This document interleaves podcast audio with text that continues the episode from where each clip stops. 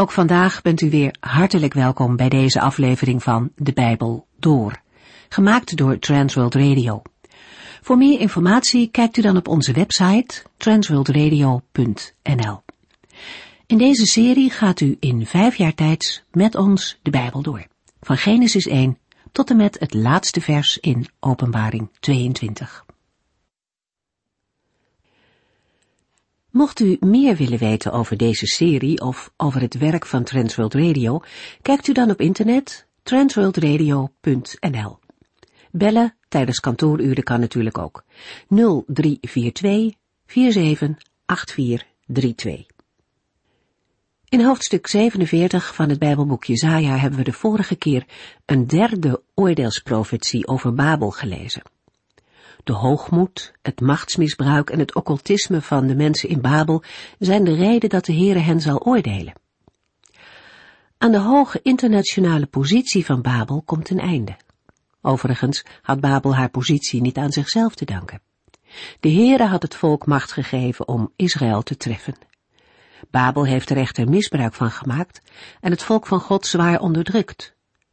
Dat heeft God gezien en zal een einde aan de Babylonische heerschappij maken. Al denken de Babyloniërs trots dat niemand hen iets kan doen, ze zullen vrij plotseling van hun macht beroofd worden. Hun occulte bezigheden zullen de rampen niet tegen kunnen houden. Babel dacht dat ze aan niemand verantwoording schuldig was, ook niet aan de enige God, maar men had het echter mis. In Jesaja 47 zien we dat er verlossing en gerechtigheid is voor Gods volk. God belooft dat de ballingschap niet het einde is, maar dat zijn volk op een dag vrij zal zijn en terug zal keren naar het eigen land. Er zal gerechtigheid komen omdat Babels misdaden niet ongestraft blijven. Voor degenen die willen luisteren naar de woorden van God, zat hier een geweldige bemoediging in. Als ze naar de politieke situatie keken, dan waren de vooruitzichten somber. Maar de Heere maakte bekend dat Hij de toekomst in handen heeft en op een dag uitkomst zou brengen. De Heere is een God die hoop biedt. Midden in de nacht geeft hij al de belofte van een nieuwe dag. De nacht duurt even lang voor diegene die zich daaraan vasthoudt, als voor degene die alleen het donker ziet. Maar wie erop vertrouwt en uitkijkt naar de vervulling, staat anders in diezelfde nacht. Jezaja 48 gaat opnieuw in op Israëls falen. Ondanks dat is de Heere hen genadig, zodat alle volken zullen zien dat hij barmhartig is en hem daarvoor ook zullen prijzen. Jezaja 49, daar gaan we verder. Jezaja 49 tot en met 55 sluit nauw aan bij de inhoud van Jezaja 40 tot en met 48. In Jezaja 40 werd in een troostwoord verlossing aangekondigd voor Israël waarbij onder meer vooruitgekeken wordt naar de knecht of dienaar van de Heere. Die verlossing is nodig, want hoewel Israël is geroepen als dienaar en getuige van de Heere, de enige ware God, blijkt Israël deze roeping niet te kunnen waarmaken. Israël als knecht en dienaar van de Heere schiet uiteindelijk tekort. Jesaja 49 tot en met 55 kan als een nieuw gedeelte worden onderscheiden, waarin de verlossing die de knecht van de Heere zal bewerken centraal staat. Het gedeelte zet in met een beschrijving van de taak van de beloofde dienaar of knecht. Jeruzalem, de stad die meende dat de Heere haar vergeten is, kan rekenen op de knecht. Jeruzalem mag opstaan uit haar ellende en zich bevrijd weten, want de knecht betaalt de schuld. Voor Jeruzalem is een heilsbelofte weggelegd en deze belofte reikt verder dan de horizon van de stad. Jesaja 49 vertoont diverse parallellen met Jesaja 60 en 62 en Zacharia 8. De hoofdstukken spreken allen over de komst van de Verlosser, de verlossing van het volk en het herstel van Jeruzalem of Sion. In Jesaja 42 is al gesproken over een van het volk onderscheiden knecht of dienaar van de Heere. Hij zal verlossing en herstel brengen. Jezaja 49 gaat opnieuw in op deze knecht en de taak die hij krijgt. Uit Jezaja 49 vers 6 blijkt dat de knecht of dienaar van de Heere onderscheiden is van het volk Israël en er één enkel persoon wordt bedoeld. Jezaja 49 vers 1 Luister naar mij, bewoners van verre landen. De Heere riep mij voordat ik werd geboren. Vanuit de schoot van mijn moeder riep hij mij bij de naam. De knecht van de Heere neemt het woord. Hij roept verre landen op om te horen en vraagt volken naar hem te luisteren. De boodschap blijkt in het vervolg voor alle volken van de wereld te zijn. De knecht verklaart dat de Heer hem vanaf de moederschoot heeft geroepen en vanaf de baarmoeder zijn naam heeft genoemd. Het spreken over een roeping voor de geboorte geeft een aanwijzing dat we te maken hebben met een specifiek persoon en niet met een groep. Jesaja 49 vers 2 God zal de veroordelingen, die ik u laat horen, scherp als zwaarden maken. Hij heeft mij verborgen in de schaduw van zijn hand.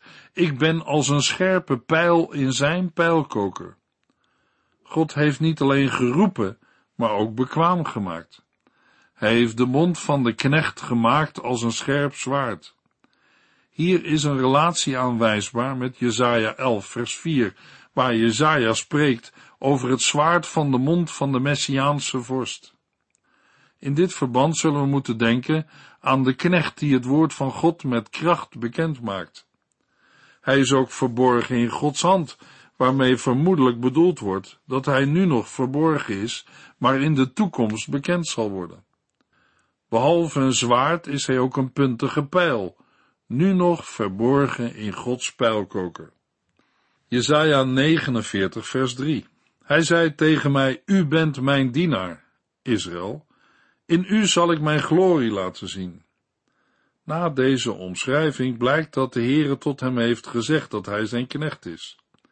De knecht wordt hier verbonden met Israël, terwijl hij in vers 6 daarvan wordt onderscheiden.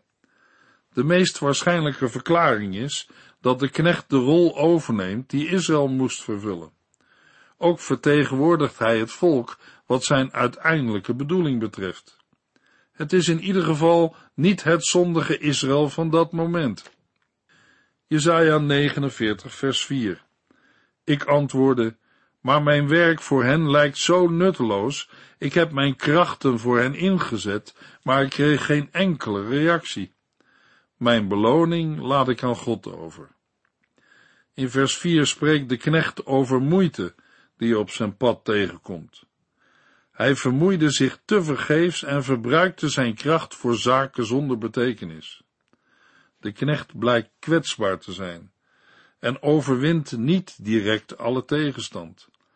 Daarin is een overeenkomst met Jesaja 42 vers 2 en 3, waar bescheidenheid en zachtaardigheid blijken. Ondanks de moeite die hij ervaart, blijft hij vertrouwen dat zijn recht bij de Heer is en zijn loon bij de Heere. Hij is de ware dienaar die ondanks alle moeite het vertrouwen niet opgeeft. Jesaja 49 vers 5 en 6 Toen sprak de Heere, die mij in de schoot van mijn moeder vormde als zijn dienaar. Hij gaf mij de opdracht zijn volk Israël bij hem terug te brengen en heeft mij de kracht en het aanzien gegeven om deze taak uit te voeren. De Heere zei, u zult meer doen dan alleen Israël bij mij terugbrengen. Ik zal u maken tot een licht voor alle volken van de wereld, om redding te brengen tot in de verste uithoeken van de aarde. In de volgende twee zinnen staat waartoe de Heere hem heeft voorbestemd, namelijk als zijn dienaar. Dat gebeurde met het doel Israël tot hem terug te brengen. In een tussenzin staat dat de Heer hem de kracht en het aanzien heeft gegeven om deze taak uit te voeren. Daarna wordt de verklaring van de Heere voortgezet. Hij zegt dat het een te kleine bediening is, een knecht te zijn die alleen Israël bij de Heere terugbrengt. De taak van de knecht van de Heer is groter. De Heere heeft hem ook aangesteld tot een licht voor alle volken van de wereld, zodat Gods verlossing zal rijken tot in de verste uithoeken van de aarde. De knecht heeft een messiaanse taak en vervult wat aan Abraham werd beloofd.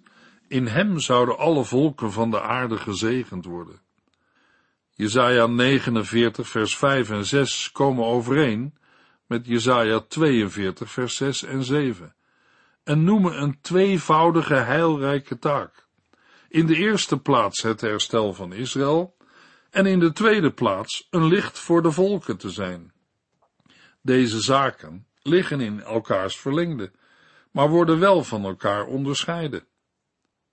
Jesaja 49 vers 7 De Heere, de redder en heilige van Israël, zegt tegen hem, die diep wordt veracht, van wie de mensen een afkeer hebben en die onderworpen is aan aardse heersers. Koningen zullen opstaan als u voorbij komt. Prinsen zullen diep buigen, omdat de Heer u heeft uitgekozen. Hij, de trouwe Heere, de Heilige van Israël, kiest u uit. Jesaja 49, vers 7 tot en met 12 is een uitwerking van de beschrijving van de knecht of dienaar van de Heere in de eerste verse, maar heeft niet meer de vorm van een gedicht. In een plechtige verklaring, die min of meer op zichzelf staat, spreekt de Heere, de Verlosser van Israël, tot de knecht. Hij blijkt diep veracht te zijn. Het volk heeft een afkeer van hem en hij is onderworpen aan aardse heersers. De vernedering komt tot uiting in de spot die hij krijgt en in zijn positie als dienstknecht of slaaf. Toch volgt na de vernedering de verhoging. Want als koningen die verhoging zien, zullen ze opstaan en zich diep buigen. Dit doen ze omwille van de Heere, die betrouwbaar is, de Heilige van Israël. Hij heeft deze knecht uitverkoren en uitgekozen. Jesaja 49, vers 8 en 9. De Heere zegt, op het goede moment verhoor ik uw gebed. Op de dag van redding kom ik u te hulp. Ik zal u tegen gevaar beschermen en u als teken aan Israël geven, als bewijs dat ik het land Israël weer zal herstellen en het aan zijn oorspronkelijke bewoners zal teruggeven. Via u zeg ik tegen de gevangenen van de duisternis, kom naar buiten, ik geef u vrijheid terug. Zij zullen overal voedsel vinden, op kale heuvels vinden ze zelfs iets te eten.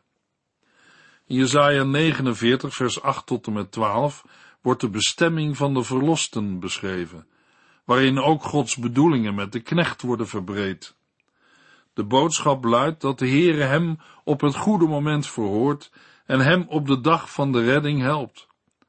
De Heere zegt toe dat hij de knecht zal bewaren en hem zal stellen tot een verbond voor het volk.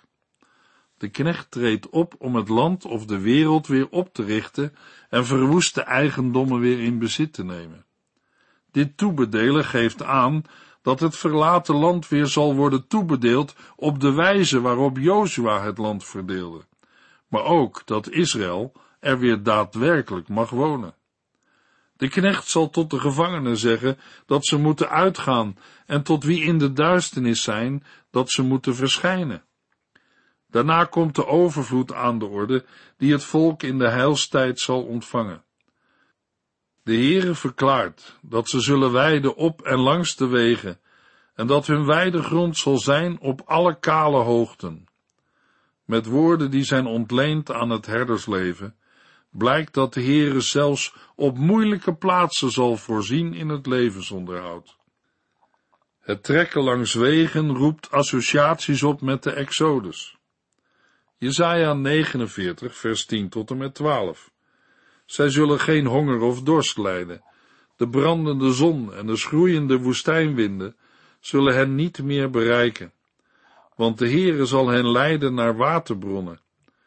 Ik zal mijn bergen voor hen tot vlakke paden maken. De wegen zullen dalen overbruggen. Kijk, mijn volk zal vanuit het oosten, het noorden en het westen terugkeren. Het voorgaande wordt verder uitgewerkt in de verklaring dat het volk geen honger en dorst zal hebben. Evenmin zal de hete wind hen treffen of de zon hen steken. Deze bescherming is er, omdat de Heere hen als gids zal leiden.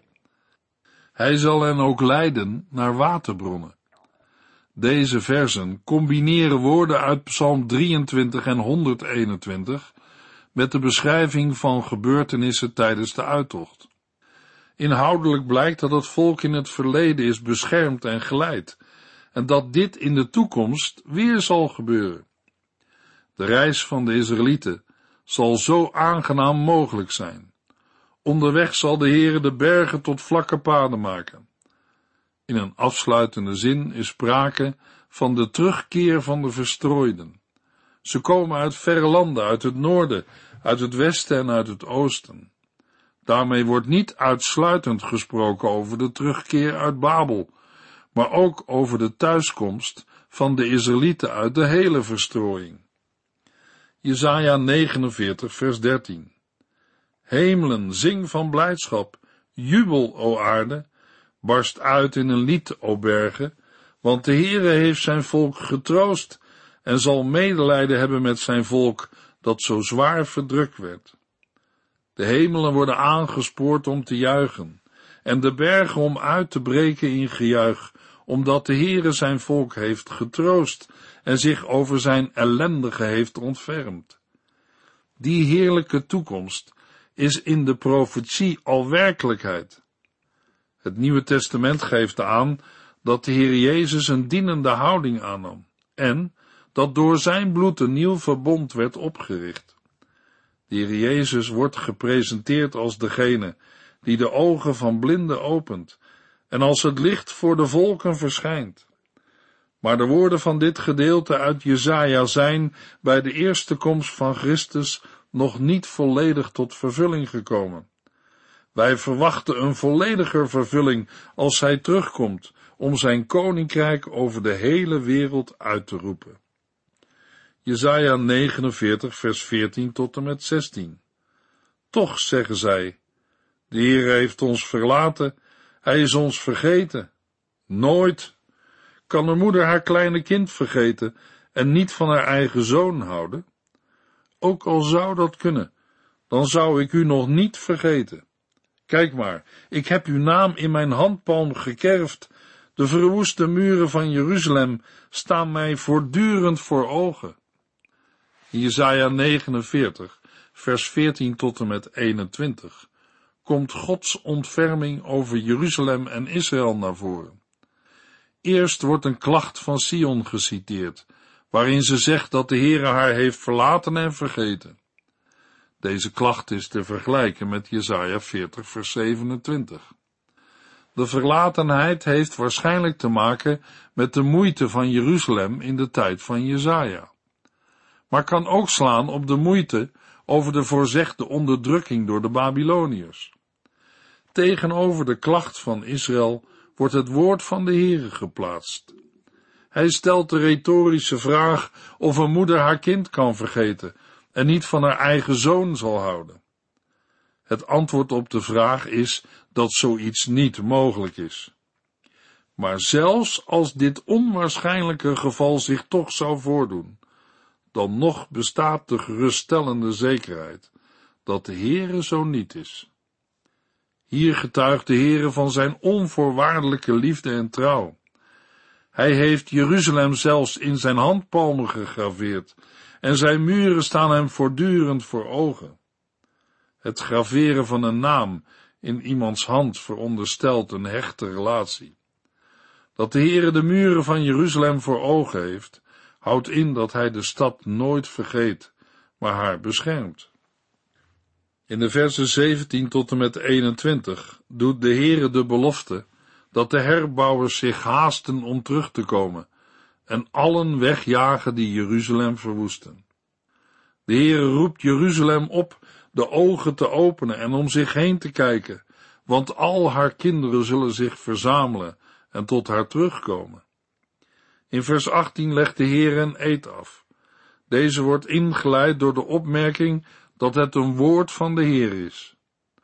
Jeruzalem wordt hier voorgesteld als bruid die zichzelf versiert met kostbare juwelen. sprekend over de puinhopen, woeste plaatsen en het vernielde land van Sion, verklaart de Heere dat het gebied snel te klein zal zijn vanwege de vele inwoners. De Heere spreekt zijn volk aan en wijst erop dat de generaties die in de ballingschap zijn geboren, zullen terugkomen en zeggen, wij hebben meer ruimte nodig, het is hier overbevolkt. Ter afsluiting van het gedeelte wordt in vers 21 gevraagd, wie heeft mij dit allemaal gegeven? Want het merendeel van mijn kinderen was gedood en de rest werd in ballingschap weggevoerd, mij eenzaam achterlatend. Wie bracht hen ter wereld? Wie voedde hen voor mij op? Uit deze woorden blijkt grote verwondering over het werk dat de Heere heeft gedaan door Jeruzalem opnieuw te bevolken. Op de achtergrond van de beschrijving van de stad vol bewoners staan eerder uitgesproken profetieën over het herstel van Jeruzalem. In historische zin zijn deze woorden nog niet vervuld. Na de terugkeer uit de ballingschap bleek juist dat Jeruzalem te groot was en te weinig bevolking had. Daarom nam Nehemia speciale maatregelen. De volledige vervulling van de boodschap ligt nog in de toekomst. Jesaja 49 vers 22 De Heere God zegt, Ik zal de vreemde volken een teken geven, en zij zullen uw zonen in hun armen en uw dochters op hun schouders bij u terugbrengen. De volgende twee versen gaan nader in op het thema van de aankomst van de ballingen in Israël. De Heere heft zijn hand op naar vreemde volken en geeft hen het teken om zijn kinderen terug te brengen. Het is zelfs zo dat koningen en koninginnen hen zullen dienen en in al hun behoeften voorzien.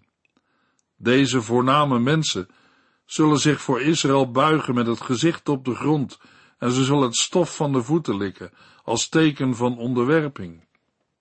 In deze tekst, waarin beloften van Israëls toekomstige wereldheerschappij doorklinken, heeft Sion of Jeruzalem haar positie van onderworpenheid verloren. De nederlaag en vervloeking zijn veranderd in overwinning. Wanneer Jeruzalem dit ziet, zal zij tot inkeer komen en erkennen dat de Heere regeert. Hij beschaamt niet wie op hem hopen en het van hem verwachten.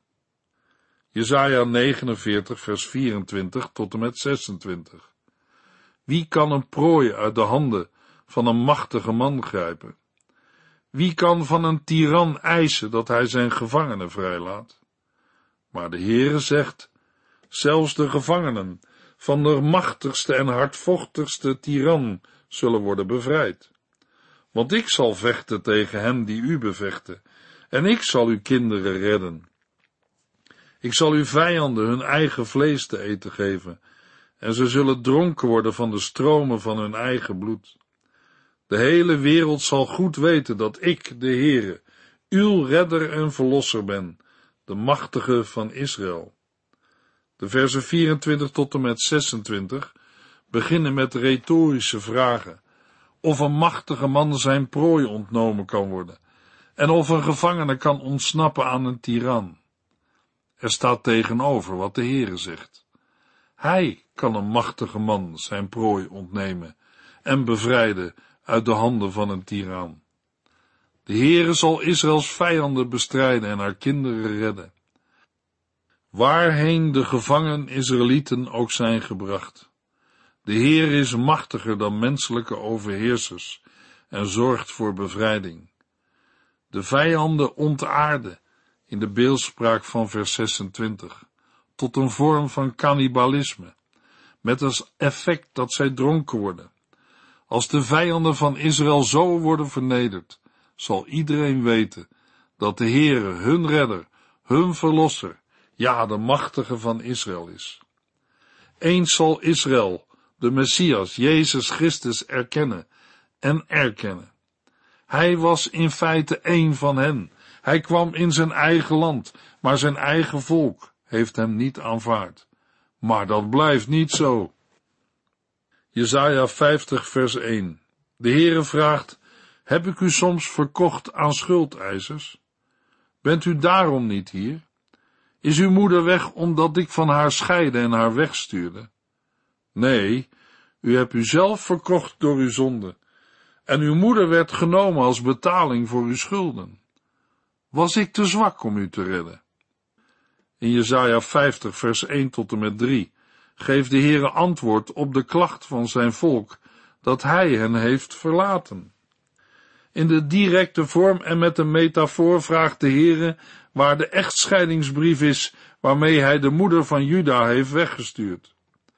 Deze woorden vormen een toespeling op een wetstekst over een document waarmee een vrouw die getrouwd was kon worden weggestuurd. Het is duidelijk dat er geen brief bestaat met de scheiding tussen hem en het volk. Vervolgens vraagt de Heer aan wie van zijn schuldeisers hij hen heeft verkocht. Voorbeelden van verkoop van vrouw of kinderen of van zichzelf zijn te vinden in verschillende oud-testamentische Bijbelboeken. Daarmee benoemt de Heer een hypothetische situatie dat hij een schuldeiser zou hebben, maar dat is niet mogelijk. Daarom moet het antwoord op de retorische vragen zijn dat de Heer zijn volk niet heeft verlaten. Het probleem is wel dat er een straf komt. De Heere geeft ook een verklaring waarom. Vanwege hun overtredingen en zonden heeft Israël zichzelf verkocht en werd hun moeder weggestuurd. Ondanks het feit dat de Heere Israël niet definitief wegzendt, is er, in overeenstemming met de wet, wel bestraffing voor zonde en ongerechtigheden. Deze combinatie van trouw en tijdelijke straf is ook aanwezig in het verbond met David in 2 Samuel 7, waar wordt gesproken van onophoudelijke trouw en tijdelijke bestraffing. De Heere beschikt over zoveel macht dat hij in staat is de bestaande orde te ontbinden.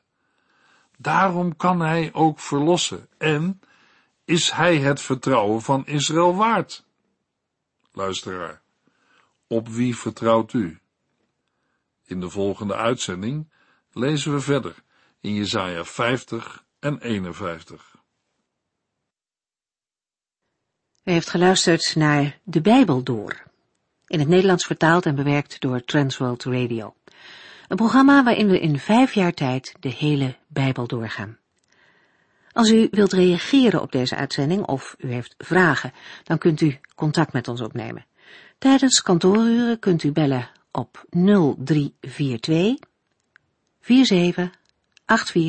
478432. 0342 478432.